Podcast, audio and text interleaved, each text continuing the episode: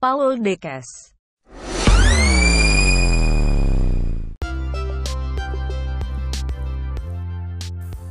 Halo everyone, saya Paul.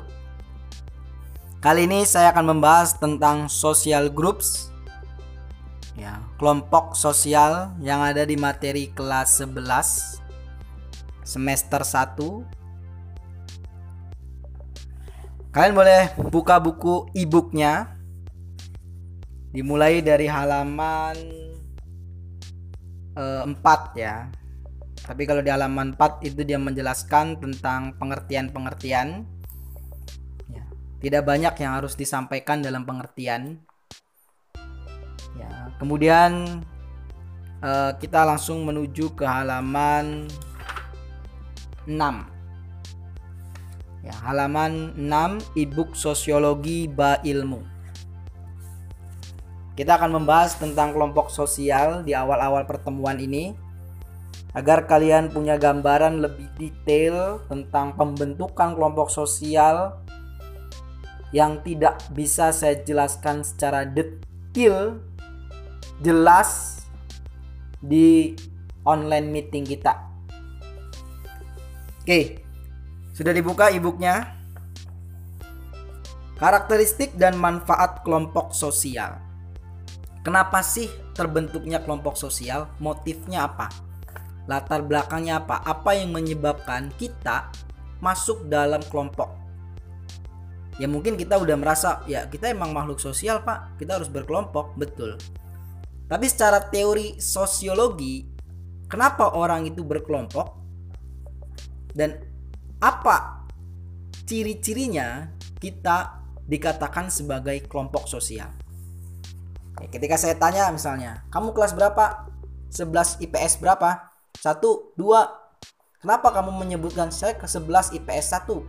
Saya 11 IPS 2. Karena memiliki kesamaan. Nah, kesamaan itulah yang menjadi karakteristik atau motif kita terbentuknya sebuah kelompok. Itu kalau di kelas. Kalau di sebuah organisasi, Pak, saya OSIS. Kenapa kamu membentuk OSIS? Ya, saya mendaftarkan diri sehingga saya masuk ke dalam kelompok OSIS dan kemudian saya memiliki identitas yang sama sebagai anggota OSIS. Pak, saya termasuk dalam komunitas salah satu geng. Geng kayaknya terlalu ini ya, jahat ya. Komunitas motor yang ada di rumah. Ya, motornya apa? E, motor 100 cc, Pak.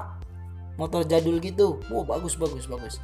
Nah, jadi ada identitas yang melekat pada kelompok sehingga kita disebut sebagai kelompok sosial. Nah, kelompok sosial macamnya banyak. Ya, nanti kita akan bahas di pembahasan selanjutnya. Tapi yang fokus kita adalah dalam hal ini membahas tentang karakteristik kelompok. Ini menurut Abu Ahmadi. Setiap individu sadar bahwa dirinya bagian dari kelompok yang bersangkutan. Saya Paul. Saya adalah alumni sosiologi UNJ. Saya mengakui bahwa saya dengan sadar alumni sosiologi UNJ. Dan kalian pun menyadari bahwa saya adalah bagian dari 11 IPS 1 atau 2. Berikutnya, terdapat hubungan timbal balik di antara individu-individu yang tergabung dalam kelompok. Kalian masuk dalam kelompok itu diakui di grup nggak? Ada yang nanya ke kalian, apa kalian bertanya atau kalian berinteraksi dengan teman kalian, ada nggak? Tentunya ada. Sehingga ada hubungan timbal balik. Ada yang jadi PJ pelajaran apa, ada yang jadi ketua kelas, ada yang jadi apa. Nah itu adalah hubungan timbal balik. C. Adanya faktor-faktor yang sama dan dapat mempererat hubungan mereka yang tergabung dalam kelompok. Nah, faktor yang sama misalnya apa? Nasib yang sama, kepentingan yang sama, dan tujuan yang sama. Nasib itu apa? Misalnya Indonesia terbentuk dikarenakan penjajahan oleh Belanda. Itu nasib yang sama, kita sama-sama dijajah. Kepentingan yang sama, partai politik. Ya. Itu adalah memiliki kepentingan yang sama. Tujuan tujuannya adalah misalnya kita anggota dari eh, apa namanya komunitas sosial ya entah itu ikatan yang ada di masjid, ikatan yang ada di gereja, itu adalah memiliki tujuan yang sama. Dan yang D, berstruktur, berkaidah, serta mempunyai pola perilaku yang membedakan dari kelompok lain. Apa itu berstruktur? Dalam setiap kelompok dia punya pemimpin dan jajaran di bawahnya. Ya, maka disebut kelompok. Pak, kalau misalkan itu kan yang formal ya? Misalkan yang tidak formal. Contohnya adalah ya kayak kelompok-kelompok permainan. Secara tidak langsung kelompok permainan itu adalah membentuk struktur kelompok permainan. Ada leadernya yang eh yuk kita jalan-jalan ke mana ke kokas ke MM atau ke BCP gitu kan nah itu ada leader yang sengaja mengarahkan berkaidah. Apa itu berkaidah? Berkaidah adalah memiliki aturan norma yang sudah disepakati bersama. Kamu kalau nggak ikut jalan-jalan ke Bali, ya udah deh mendingan keluar aja dari geng kita atau komunitas kita. Itu berkaidah. Eh nanti kita akhir kelas 10 kita jalan-jalan lah perpisahan. Ke mana? Bahasa yang nggak ikut. Nah itu adalah sebuah kaidah. Jadi kita ada kesepakatan bersama yang kita bentuk. Eh nanti kalau homeroom kita wali kelas kita ulang tahun kita kasih apa gitu. Nah itu adalah berkaidah. Jadi ada aturan norma yang ada di kelompok kalian. Kemudian memiliki atau mempunyai pola perilaku yang berbeda dari kelompok lain. Kita ada eskul saman ada dance ada apa yang lainnya itu memiliki pola perilaku yang berbeda. Misalnya ya yang gampang lah yang gampang yang jelas ada perbedaannya. Misalnya anak basket. Anak basket sepatunya itu udah kelihatan anak basket kadang sepatunya begitu tuh gede-gede gitu ya. Nah terus eh, di sini gayanya juga ah kayaknya anak basket nih. Kemudian ada lagi anak musik. Ya anak musik misalnya ya suka mainin kaki mainin tangan anak musik ya. Kadang suka nyanyi gitu. Nah itu sudah ada pola perilaku yang berbeda antara kelompok A dan kelompok B. Ada genre musik punk. Kenapa modelnya begitu? Rambutnya begitu? Pakaiannya begitu karena mereka punya pola perilaku yang berbeda untuk membedakan dengan kelompok lain kemudian yang E bersistem dan berproses. Jadi bersistem itu adalah saling terhubung satu sama lain. Ada elemen-elemen yang saling keterikatan satu sama lain. Itu bersistem. Ya, tadi berstruktur dan bersistem itu hampir sama berkaitan.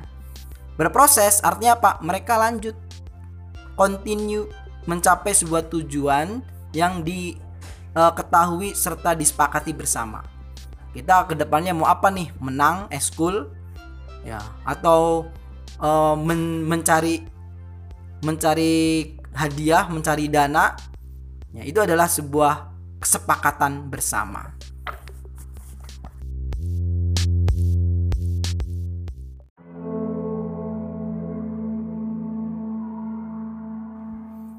Selanjutnya, karakteristik kelompok sosial menurut M. Serif dan Cewek Serif. Ini tidak jauh berbeda dengan kelompok sosial yang diuraikan oleh Abu Ahmadi karakteristiknya. Intinya adalah ada interaksi sosial. Antar individu saling keterhubungan baik secara fisik, nonverbal, emosional, dan lainnya. Contoh fans club Liverpool kalau menang bahagia. Ya, lagi nonton bareng nih. Wow. Lagi kebobolan, kalah, kecewa, sedih, gedek gitu ya. Nah, itu ada emosional. Ada tujuan. Tadi tujuannya adalah sama. Kita punya tujuannya apa nih? Kita membentuk sebuah kelompok. Bahkan kelompok itu bisa yang tingkat paling kecil cuma tiga orang sampai ribuan jutaan itu bisa disebut kelompok. Tergantung tujuannya apa. Strukturnya jelas. Betul, kelompok mempunyai struktur yang jelas siapa pemimpinnya, perannya apa, hubungannya apa, jalur komunikasinya bagaimana. Itu adalah struktur. Kemudian yang terakhir adalah kelompok sosial dipersepsikan sebagai suatu keseluruhan. Merasa dirinya sebagai satu kesatuan yang sama. Ya, dan ini biasanya solidaritasnya adalah tinggi. Ya kita gampang kasusnya adalah ketika salah satu temannya sebut aja bla bla bla K berantem kemudian bawa-bawa temannya untuk melakukan balas dendam. Ya itu solidaritas tapi solidaritas yang berbeda sisinya ada kriminalitas ada yang positif ada yang negatif. Ya kalau yang positif misalnya seperti apa? Ya kita dalam hal ini fans bola ya itu juga termasuk dalam satu kesatuan.